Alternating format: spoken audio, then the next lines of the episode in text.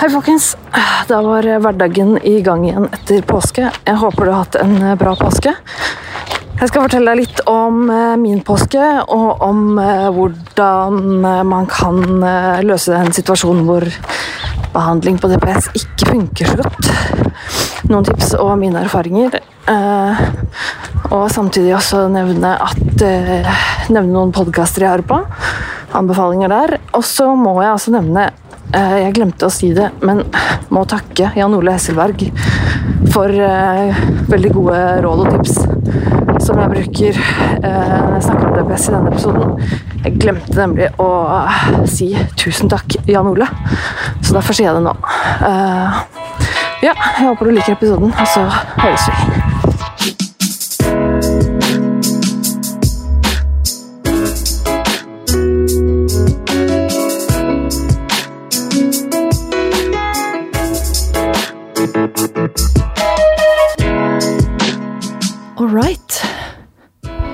Da var vi plutselig i gang, da. Åh. Og nå sitter jeg altså helt mutters aleine i studio. Jeg pleier jo som regel å sitte her sammen med min eh, produsent Martin. Han er syk i dag. Så sitter jeg helt alene, og det er musestille. Uh, så jeg skal prøve å få til det her på egen hånd. Det tror jeg jeg klarer. Uh, nå har jeg fått kaffen min. Jeg har fått vann. Jeg har i gang kamera. Jeg tror det er sånn cirka greit nå. Og jeg har notater. Jeg har ikke noe internett, så det får vi klare oss uten. Det skal gå greit, tror jeg. Litt eh, Nå har det vært påske, og jeg føler det er eh, lenge mellom hver gang jeg er i studio. Nå, det er litt sånn annenhver gang klarer ikke møte opp i studio, og plutselig ble det påske, og så Ja, jeg vet da søren. Eh, så nå Ok, jeg må ta meg sammen litt nå. Eh, drikke litt grann kaffe. Og så Ja, tenkte jeg skulle bare oppsummere min påske lite grann. Eh, jeg har eh, Jeg har hatt påske. Jeg, som alle andre, er blitt påvirket av påsken i en eller annen form. Og jeg har faktisk tatt meg litt fri i påsken. Um, jeg hadde egentlig tenkt til å øh, produsere noe mer i påsken. Uh, og det ble jo en det ble jo én video.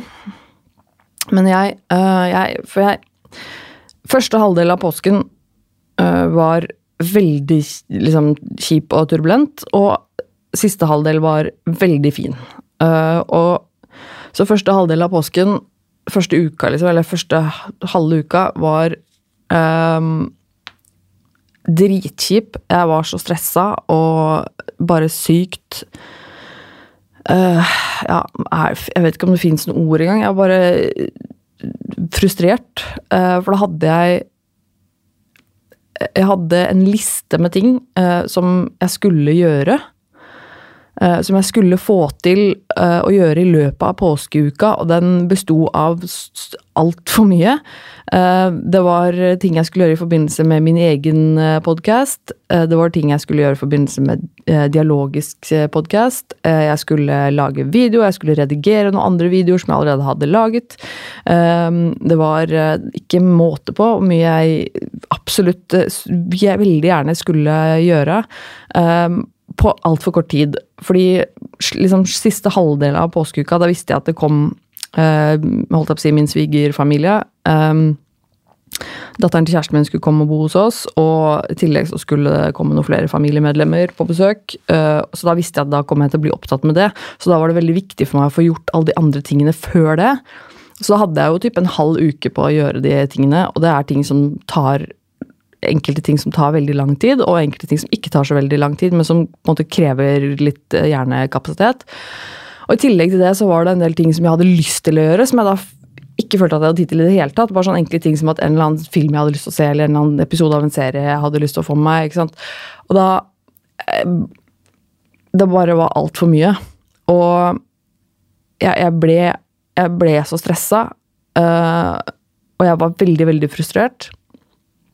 Og det, det ble til en sånn uh, en veldig sånn angstfylt uh, frustrasjon som jeg kjenner veldig godt, og som jeg virkelig hater. Og um, det var vel på Jeg tror det var på onsdag.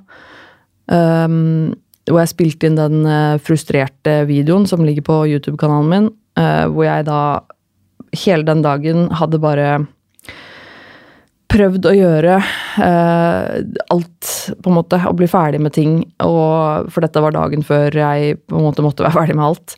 Og skulle få til alt mulig. Eh, jeg skulle bake fordi det kom familie på besøk, og det bare Jeg fikk det ikke til. Det ble ikke sånn som jeg ville at det skulle bli. Jeg har jo abnormt selvfølgelig høye krav, eh, sier alle andre. Jeg mener jo selv de er rimelige, men sånn er det jo. Eh, og det, jeg bare fikk det ikke til, og det ble ikke som jeg ville. Og jeg bare takla ikke det i det hele tatt. Og så var det veldig mye andre sånne småting også samtidig. Uh, og det, jeg bare fikk ikke noe utløp for det i det hele tatt. Og det var helt det var helt jævlig, og jeg, jeg, jeg, jeg, takler det så dårlig når jeg kommer i en sånn modus hvor bare uh, hvor glasset blir så fullt, og det bare kommer sånn bitte små dråpe etter dråpe, og, og til slutt så bare renner det på en måte over. Men jeg har ikke noe utløp for det vannet som renner over, da, for å si det på den måten. Og det er så grusomt, for det blir bare liggende inni meg og ulme som en sånn vondt Som en sånn smerte som virkelig er sånn frustrerende, vond sinnesmerte som bare ikke går noe sted. Og jeg får det ikke ut på noen måte. Og det, det blir sånn at jeg bare blir veldig veldig irritert og veldig angstfullt og, og sint. Og da blir jeg det på alt og alle. Da skal det veldig lite til for at jeg liksom glefser litt, eller bare det at liksom, Kjæresten min var bare snill med meg, og, han er alltid veldig forståelig og prøver liksom å ta hensyn til meg. Og, og, og, det også er irriterende. Og når det blir sånn Kan jeg gjøre noe for deg? Er det noe, Hva skal jeg gjøre? Kan jeg gjøre noe for deg nå? Så er det også bare irriterende. Og, da, og det er bare forferdelig å ha det sånn. Og da utpå kvelden da, hvor liksom alt, jeg følte at bare alt hadde gått til helvete, og jeg bare fikk det ikke ut, så bare måtte jeg Jeg måtte bare få være i fred. Og da gikk jeg inn på badet og, og satt der på gulvet og bare Fuck my life. Dette her er bare vondt og dritt. Uh, og så bare tenkte jeg at ok, la meg filme dette, da. Og så bare satt jeg og snakka litt i kamera, og jeg satt vel på badet der igjen Jeg er ikke sikker på hvor lenge jeg satt der. 20 minutter, kanskje. Um, og klippa det til en sånn liten kort video som ligger på YouTube-kanalen min, Nerve med Tone. Du kan se den der. Uh, og tenkte at jeg vet ikke om det her er noe vits i, om det her hjelper noen, om det er noe til hjelp for meg sjæl eller noen andre, aner ikke, men det er i hvert fall en liten slags blogg-dokumentasjon om, om, denne frustrasjonen som jeg ikke liksom får ut akkurat nå. Um, og kanskje det hjalp litt å snakke uh, til kamera, fordi jeg satt i hvert fall her en liten stund, og jeg følte meg bedre etterpå. Så det er jo veldig bra. Men etter det så gikk det veldig mye bedre, og resten av påska ble egentlig veldig, veldig fin. Uh, og det ble Jeg er veldig glad for at uh, kjæresten min også tok seg fri fra jobb, og faktisk ikke jobbet noe særlig i det hele tatt.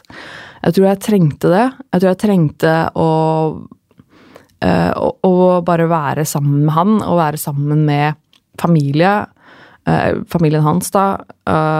og ha det hyggelig. Bare tenke på noe annet, og bare rett og slett bli fratatt den muligheten til å gjøre de tingene som jeg på en måte egentlig hadde fått for meg at jeg ville gjøre. De der redigere og fikse ting og ordne ting. Jeg ble liksom fratatt den muligheten uh, fordi at vi skulle bruke tid på, på, hverandre og på familie. Og da klarte jeg liksom å legge det litt fra meg fordi jeg måtte det.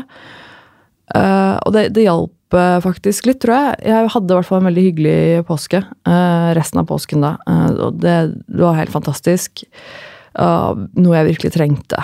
Um, så nå er jeg litt sånn Nå er det tilbake til hverdagen. Nå er liksom folk tilbake på jobb.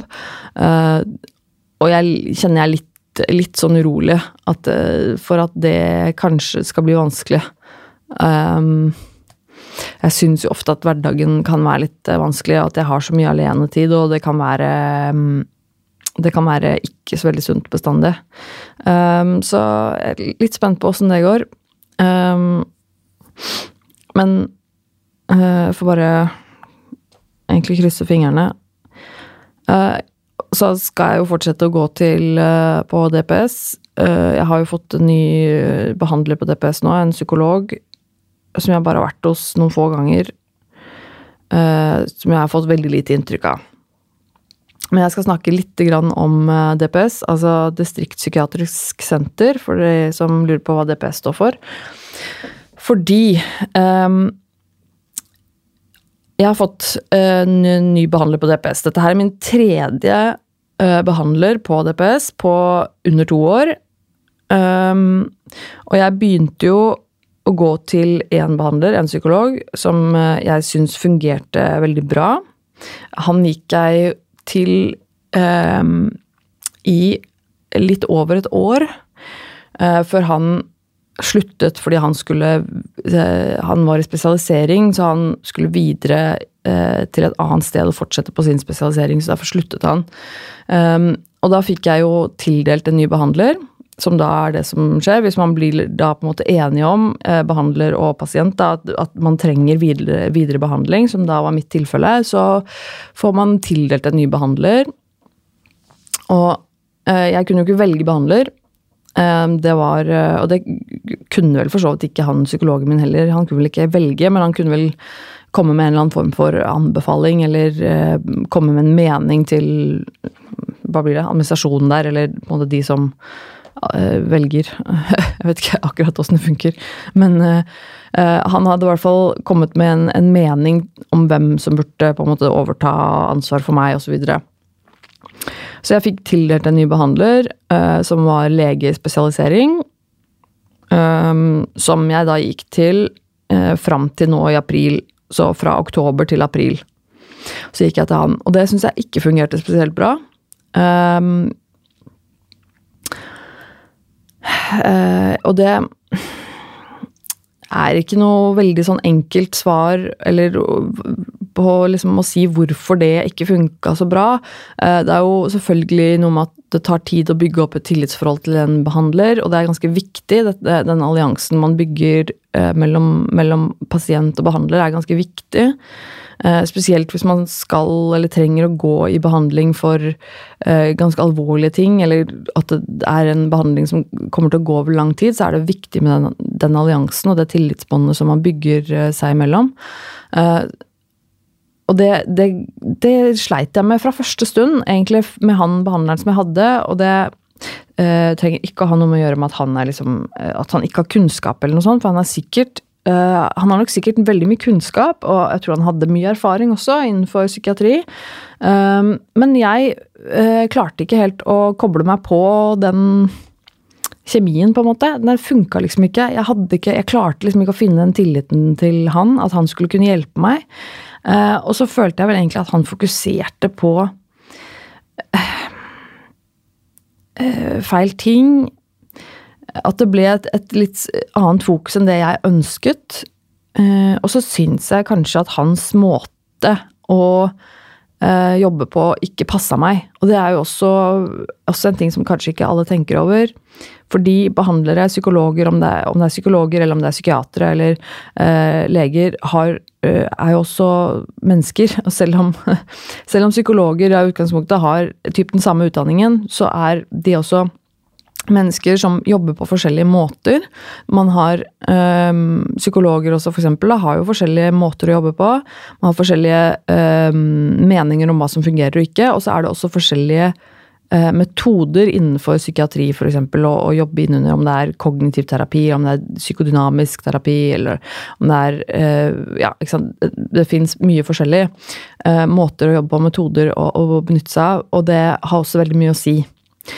Så det er det er ikke lett uh, å, å, finne ut hva som fungerer. Uh, og det er også veldig mye med forskjellige meninger om hva som fungerer best til, til forskjellige uh, Hvilke behandlingsmetoder som fungerer best i forhold til hvilke diagnoser man har. Og man har kanskje én gjengs oppfatning av hvilken metode som passer til den, den diagnosen eller problem, problemstillingen. Og så er det ikke sikkert at det er det som hjelper best for deg personlig. Uh, som også har noe å si. Så det er ganske komplekst og vanskelig, og det er ikke alltid man treffer. Um, og det Og i hvert fall når man går i behandling på DPS, så kan man ikke velge. Uh, du får tildelt en behandler, og det er den behandleren du får tildelt. og det, Man vet aldri om det er en match eller ikke. Og man kan være uheldig og bli matchet med en behandler som man ja, rett og slett ikke matcher med. Um, og det er Det er vanskelig. Og det ble rett og slett et spørsmål om eh, hva gjør man da? Fordi eh, det ble jo noe som Et spørsmål som jeg begynte å tenke på i fjor eh, i, i, liksom på høsten i fjor, da, da jeg fikk tildelt denne legespesialisering-personen, behandleren, som, på DPS, som jeg ikke følte at jeg kom så veldig godt overens med. Um, jeg følte jo selv at jeg hadde Og jeg, jeg, vet jo på en måte litt om hvordan det her fungerer. Jeg vet at det å bytte behandler i utgangspunktet er vanskelig.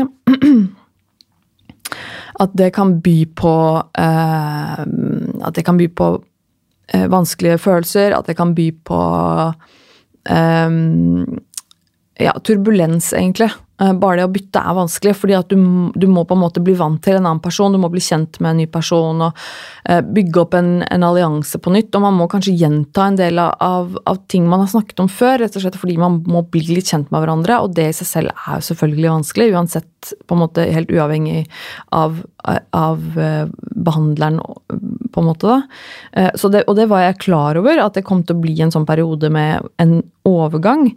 og det var jeg forberedt på.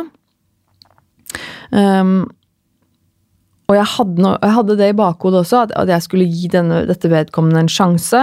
Uh, og på en måte prøve så godt jeg kunne å, å, å, gjøre det beste ut av det her. Og likevel så følte jeg vel ikke at det At det gikk så veldig bra. Jeg klarte som sagt ikke å, å, å bygge opp dette liksom ordentlig. Um, og da ble jeg jo da ble jeg liksom sittende og tenke sånn Men hva gjør jeg nå?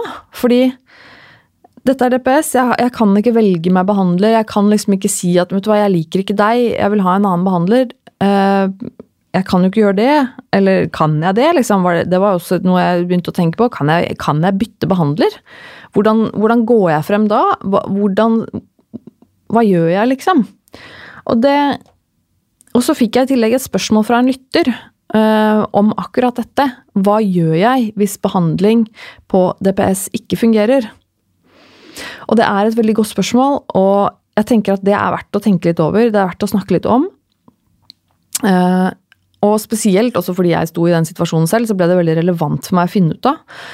Uh, så jeg kontaktet Jan Ole Hesselberg, som er en jeg kjenner Han er psykologspesialist. Um, han er en av uh, tre psykologer som har denne Psykologlunsj-podkasten. Uh, Jan Ole er også uh, kjent gjennom Dere har sikkert sett han i Folkeopplysningen på NRK, blant annet. Og han jobber i Ekstrastiftelsen og er veldig, veldig flink. Um, og, så jeg, jeg, skrev til Jan Ole så spurte jeg om dette her, og um, Det er noe jeg har hørt veldig lite snakk om. Um, og jeg hadde jo noen tanker på forhånd om, om hva jeg kunne gjøre. Uh, og det var egentlig greit å få uh, snakket litt med Jan Ole om det her da, og fikk liksom egentlig bekrefta litt det jeg tenkte. Um, og jeg tror nok, uh, ifølge Jan Ole også, så er det nok kanskje for få rutiner på mange DPS um, i forhold til hva, hvordan man behandler forespørsler om å bytte behandler, eller bare det å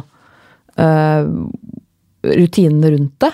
Um, og jeg skal, jeg skal, lenke til en del um, Jeg fikk et par lenker av, av Jan Ole også, litt mer sånn uh, om i forhold til lover og, og sånne ting, og, og, noen konkrete eksempler.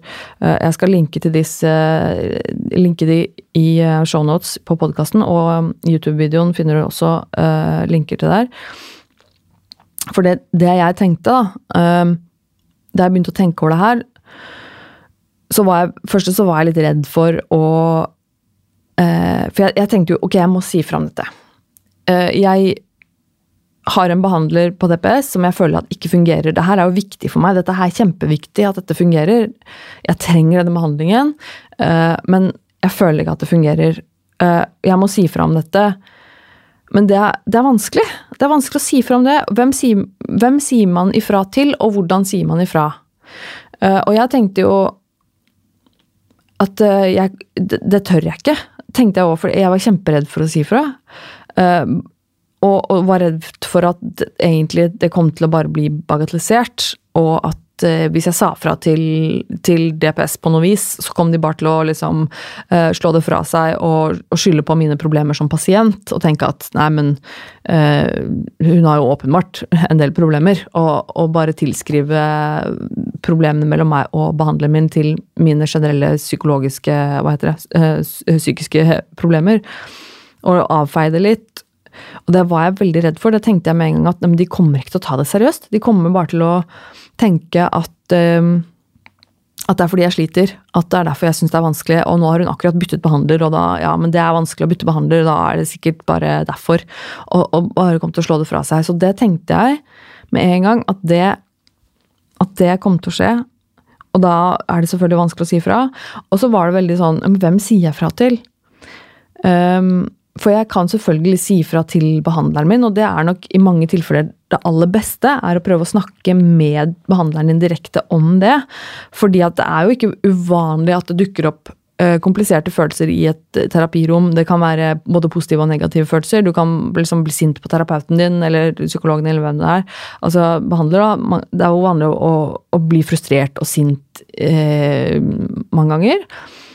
Og motsatt kan man også få veldig sterke, sterke følelser for behandleren sin. Man kan liksom føle seg veldig knyttet til vedkommende og liksom, føle at man liksom blir litt glad i vedkommende.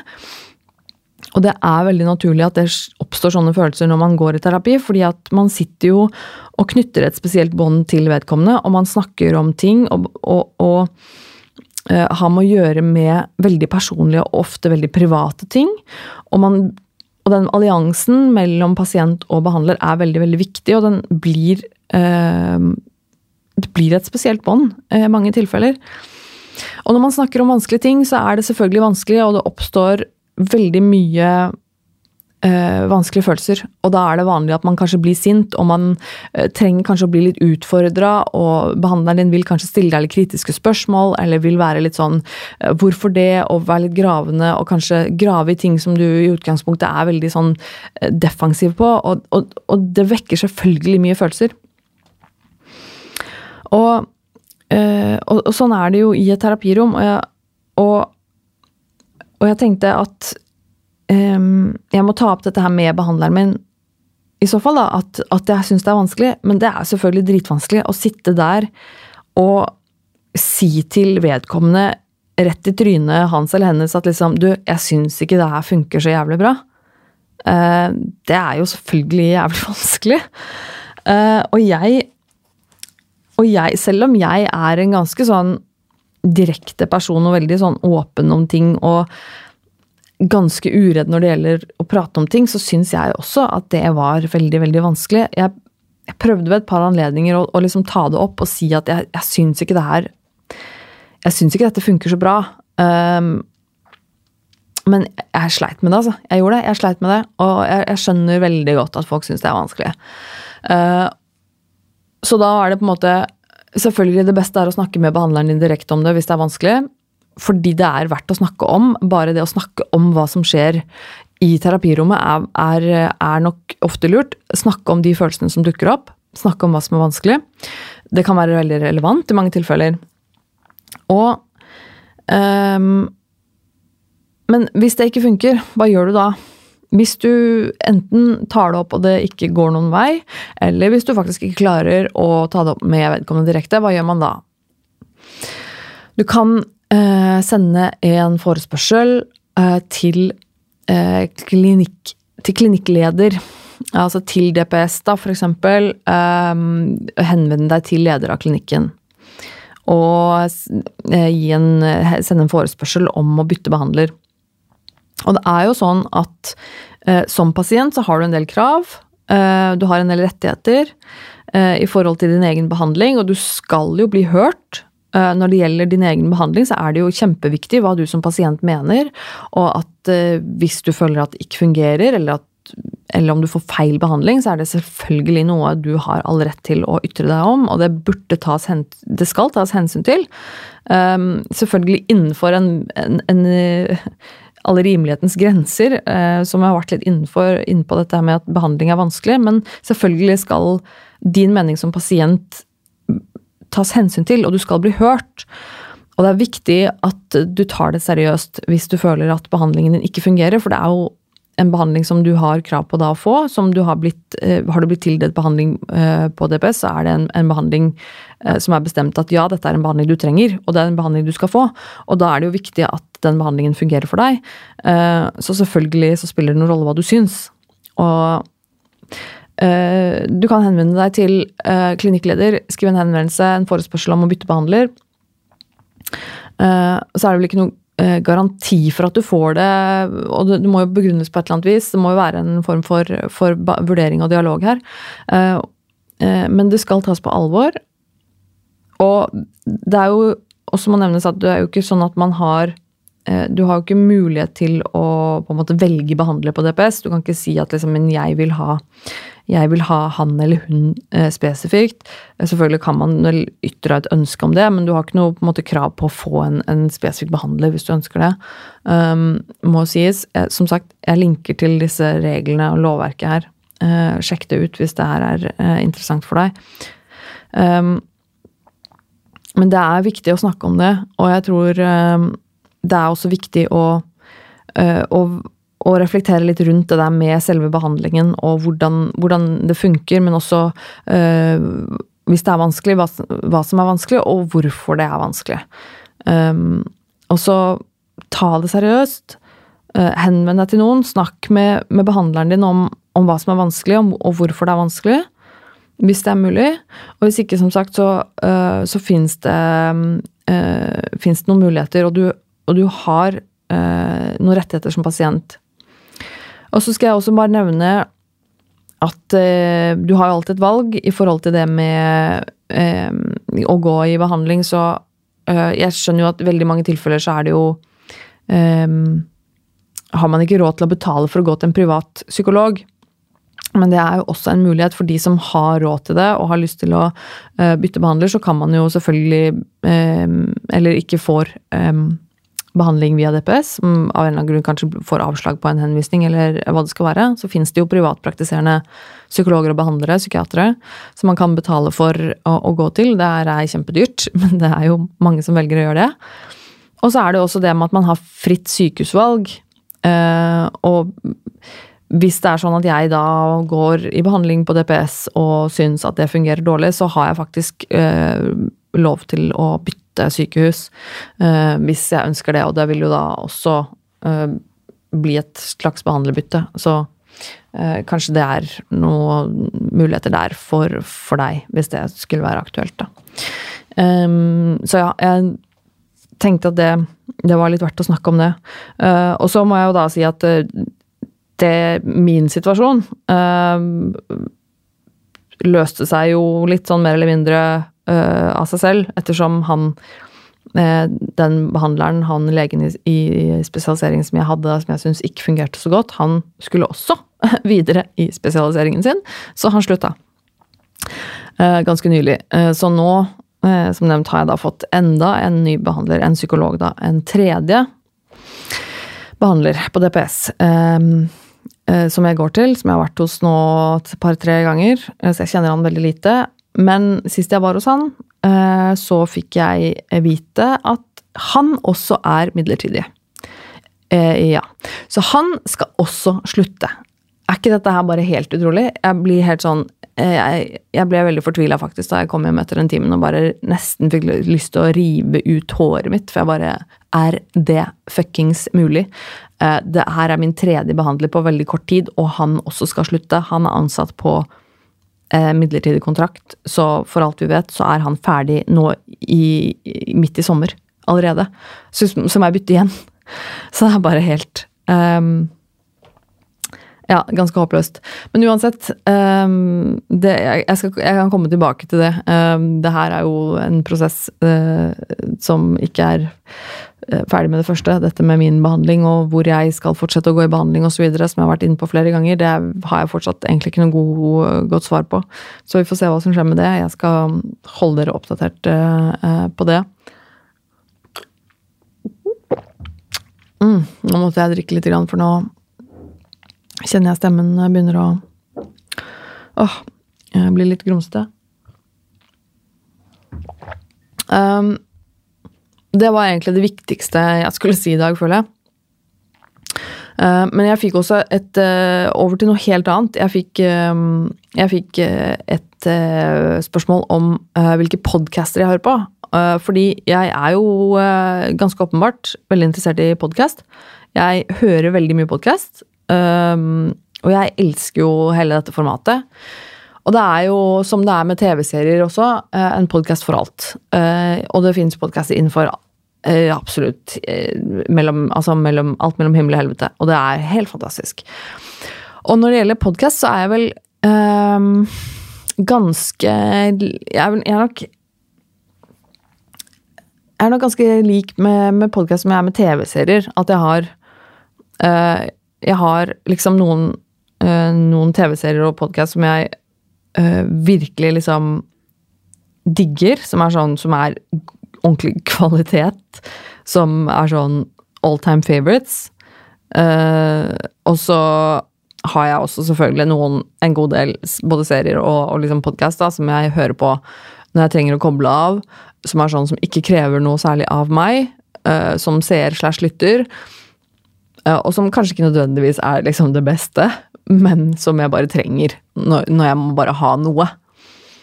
Um, og det er så deilig, for man har liksom alltid masse å velge. Og jeg har um, Jeg har ekstremt mange podcaster som jeg, uh, som jeg abonnerer på. Jeg tenkte jeg skulle nevne noen av dem, og det er bare noen av dem. Uh, og det er jo innenfor litt forskjellige sjangre. Men de jeg Altså, jeg må selvfølgelig uh, innenfor liksom Ja, hvis vi begynner med liksom type humor, da. Ting som er litt humoristisk, uh, så har jeg Altså, selvfølgelig, min favorittpodkast er dialogisk. Og det, det sier jeg ikke bare fordi at jeg er obviously ganske bias, men også fordi og det er, For jeg var jo faktisk kjempefan av dialogisk eh, lenge før jeg ble involvert i den podkasten på noe som helst vis. Eh, så hadde jo jeg hørt alle episodene eh, flere ganger, egentlig, tror jeg, eh, og var kjempefan. Og så selvfølgelig Og nå er jeg jo involvert i podkasten, og jeg er jo med i studio hver uke. Eh, og jeg digger både Dag og Gunnar.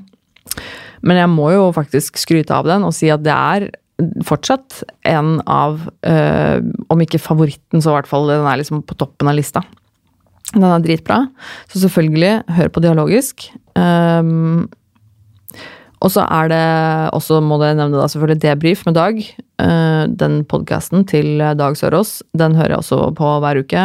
Uh, kjempefan av den. Den er dritbra. Um, og så er det liksom morsomme ting, så eh, det hører jeg nok um, en del på uh, Jeg er fan av uh, Krisemøte. Uh, med Kristoffer Schou og Kyrre Holm Johansen. Den har jeg hørt på i mange år. Den også er veldig morsom. Hva er greia med? En podkast av Jonas Kinge Bergland og han Oi! Han som jeg ikke husker hva heter for øyeblikket. Det er litt flaut. Jonas Kinge Bergland, lege og komiker, har en podkast sammen med en annen kompis lege av han, hvor de som heter 'Hva er greia med?' Og da snakker de bare om et tema, og så gjør de litt research på det, og så snakker de og forteller hva er greia med f.eks. melk, eller en eller annen sykdom, eller et eller annet. Den er ganske morsom. Veldig sporadisk og ikke kommet med så mye i det siste, men der ligger en del ute, så den er ganske morsom å få med seg. Um, så hører jeg på Kvinneguidens venner, Linnea Myhre. Uh, den syns jeg er ganske morsom. Så er det selvfølgelig Psykologlunsj, uh, som jeg også har vært fan av i mange år. Som er en av de bedre podkastene jeg vet om.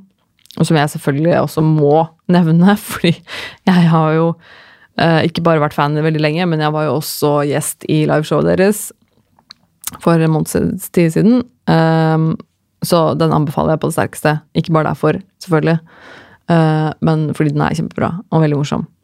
Ellers så hører jeg jo en del på uh, Sånn, jeg er jo opptatt av psykologi og sånn, så jeg hører jo på en del litt sånne ting. Så innenfor det så har jeg jo, som er litt mer sånn kanskje litt, litt mer den faglige Uh, en litt mer sånn faglig type podcaster. Uh, innenfor psykologi uh, så hører jeg på Jeg hører på den American Journal of Psychiatry audio, som er veldig sånn faglig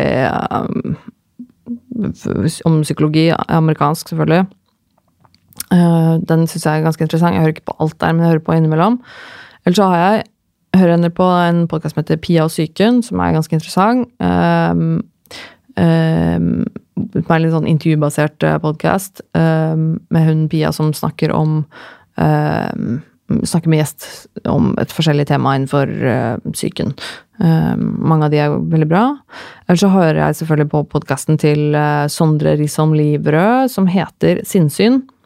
Sondre er psykolog og har en egen podkast uh, som jeg må nevne, som er veldig bra. Jeg har hørt på podkasten hans uh, veldig, veldig lenge. Uh, vært fan av han lenge, og det var veldig kult også da han da var gjest i Dialogisk liveshowet som ble gitt ut i påsken. Vi var jo i Kristiansand og spilte inn et liveshow i mars med Dialogisk, hvor Sondre var gjest. Uh, og det var veldig kult for meg å treffe han, da, for jeg har jo på en måte da hørt uh, eh, podkasten hans i lang, lang tid. Uh, og han er veldig, veldig dyktig, og det var veldig kult. Og han er bra fyr. Så sjekk ut podkasten hans, den heter Sinnsyn. og så har jeg en amerikansk en amerikansk podkast jeg hører en del på, som heter The Hardcore Self-Help Podcast med en psykolog som heter Robert Duff. Um, og den er også veldig bra. Det er ganske korte episoder. Man tar for seg litt forskjellige temaer innenfor psykiatri, psykologi. Um, og han er veldig flink til å snakke om det her på en veldig folkelig måte, og forklare på en veldig folkelig måte. Uh, og det er, det er, ganske korte episoder, men, er, men, uh, men han er veldig sånn uh, Veldig bra, liksom likende type. Um, og veldig sånn jordnær og veldig veldig flink. Og, og, så den er absolutt Eh, en veldig sånn ganske letthørt podkast hvis du er litt interessert i eh, disse temaene her, men ikke orker det, liksom er litt sånn veldig tung teoretisk, så er den veldig fin også. Og, så sjekk ut den The Hardcore Self-Help Podcast. Jeg skal linke til disse her, så finner dere lista her under. Både på YouTube og i shownotes. Kulturunderholdning Ja, der er det mye, altså. Det er, og det men ja, jeg må bare liksom gå gjennom de jeg hører kanskje mest på. Jeg hører på liksom uh, You're Not So Smart podcast. Uh, Making Sense with Sam Harris. Uh, Radiolab. rekommandert med Kristoffer Schou. The Complete Guide to Everything. Og så hører jeg litt sånn sporadisk på Joe Rogan. Uh, Very Bad Wizards, uh, Saltklypa, norsk, uh, som for øvrig Gunnar Tjomli var med på å starte i sin tid. Han er ikke med der nå lenger, men den er fortsatt gående, og den er faktisk ganske bra. Litt sånn science-based. Så er det en del litt sånn andre sånn science-pods med altså Science versus Jo, de der House of Works-podkastene, sånn de har jo en, del, en serie med noen forskjellige podkaster. Uh, uh, det er jo uh, Ja, sjekk. House of Works. og så er det en del sånn NRK har også ganske mange bra dokumentar dokumentarpodcaster, og generelt også egentlig NRK sine podcaster er ganske bra, både innenfor liksom krim og innenfor uh, nyheter. Jeg har en del sånn nyheter-podkast jeg hører på, og sånn dokumentar, sånn P3-dokumentarer og litt sånne ting. Uh, og de er ganske bra, mange av de, altså. Uh, de, de, hører jeg en del på, faktisk. Og så er det nok kanskje noen som spør seg hvor blir det av true crime-podkastene. og det er et godt spørsmål. Jeg er jo veldig opptatt av sånn seriemordere og, og liksom true crime-greier. Syns jeg er veldig kult. Men jeg, jeg syns det er litt vanskelig å finne en eh, podkast som jeg syns er engasjerende nok. Eh, fordi veldig ofte altså Jeg har hørt på en ganske mange av de forskjellige, både norske og engelske. Eh, litt sånn true crime og seriemorder-podkast.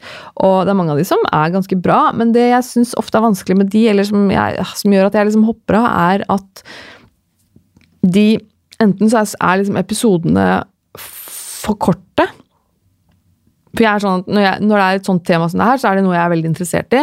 Og da vil jeg gjerne høre en time, halvannen, om, om, det, liksom. Om den casen, eller om den psykologien, eller hva det skal være. Uh, og da blir liksom, når det er en episode på 20 minutter som bare forteller en historie med en seriemorder, så er det sånn Det er, det er ikke nok, på en måte. Det, det blir bare det, det, er ting jeg vet fra før. Så det er litt det, for da, da blir det bare en oppsummering av av det jeg allerede vet om en sak, eh, eller om en person, eh, som jeg da ikke syns er så veldig spennende å høre. Um, så det blir litt mer at det ikke Det er ikke grundig nok. Uh, det er ikke nerdete nok, egentlig. Så jeg sliter litt med å finne de podkastene som jeg syns er bra, og som også er liksom nerdete nok.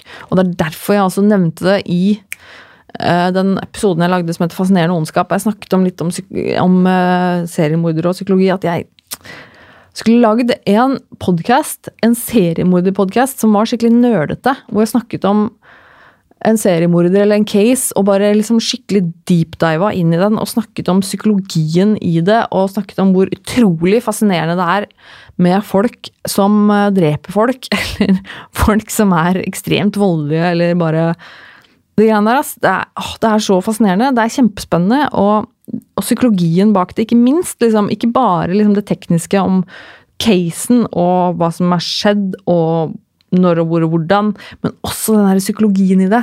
Uh, hvordan liksom, disse menneskene tenker, og hva som foregår i hodet på vedkommende, er så interessant. Og jeg syns det liksom nok mangler en sånn podkast. I hvert fall på norsk, føler jeg. Uh, og jeg har veldig lyst til å lage den. Men jeg tror ikke jeg kan lage den alene. Da må jeg liksom ha noen å lage den med.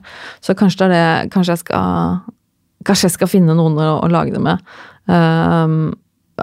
Hvis jeg har tid. Uh, eller så, altså helt til slutt, så må jeg nevne John Ronson sine to audiobook slash podcaster som heter The Butterfly Effect og The Last Days of August, som er helt ny. Uh, som du må sjekke ut. Uh, og så Nå er jeg, nå er jeg ferdig. Uh, så nå skal jeg avslutte. jeg føler jeg har snakket lenge nok nå. og jeg skal nevne da, som vanlig, at jeg håper du sender meg en mail hvis du har lyst, og fortelle meg om noe gøy eller fortelle meg om noe kjipt, eller uh, fortelle meg hva du syns om podkasten min, eller komme med tips og tilbakemeldinger. Det setter jeg kjempestor pris på. Nervemetone at gmail.com. Uh, eh, og så håper jeg at uh, du sjekker ut YouTube-kanalen min, som heter Nervemetone. og der legger jeg ut både podkast-episodene mine og litt sånn ekstra greier um, bloggcaster og litt sånne ting. Og litt ekstra Hvem vet. Uh, mye rart. Uh, så uh, sjekk det ut. og så ja, holder ikke det? jeg tror det holder. jeg sier tusen takk igjen for at du hører på, og lik og del og alt det der. please. og så høres vi igjen om en uke. Ha det!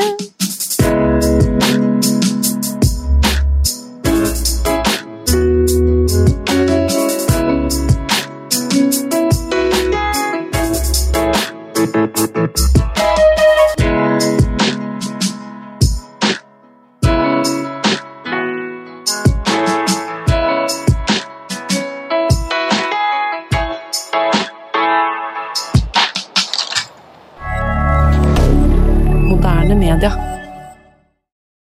Har du et enkeltpersonforetak eller en liten bedrift?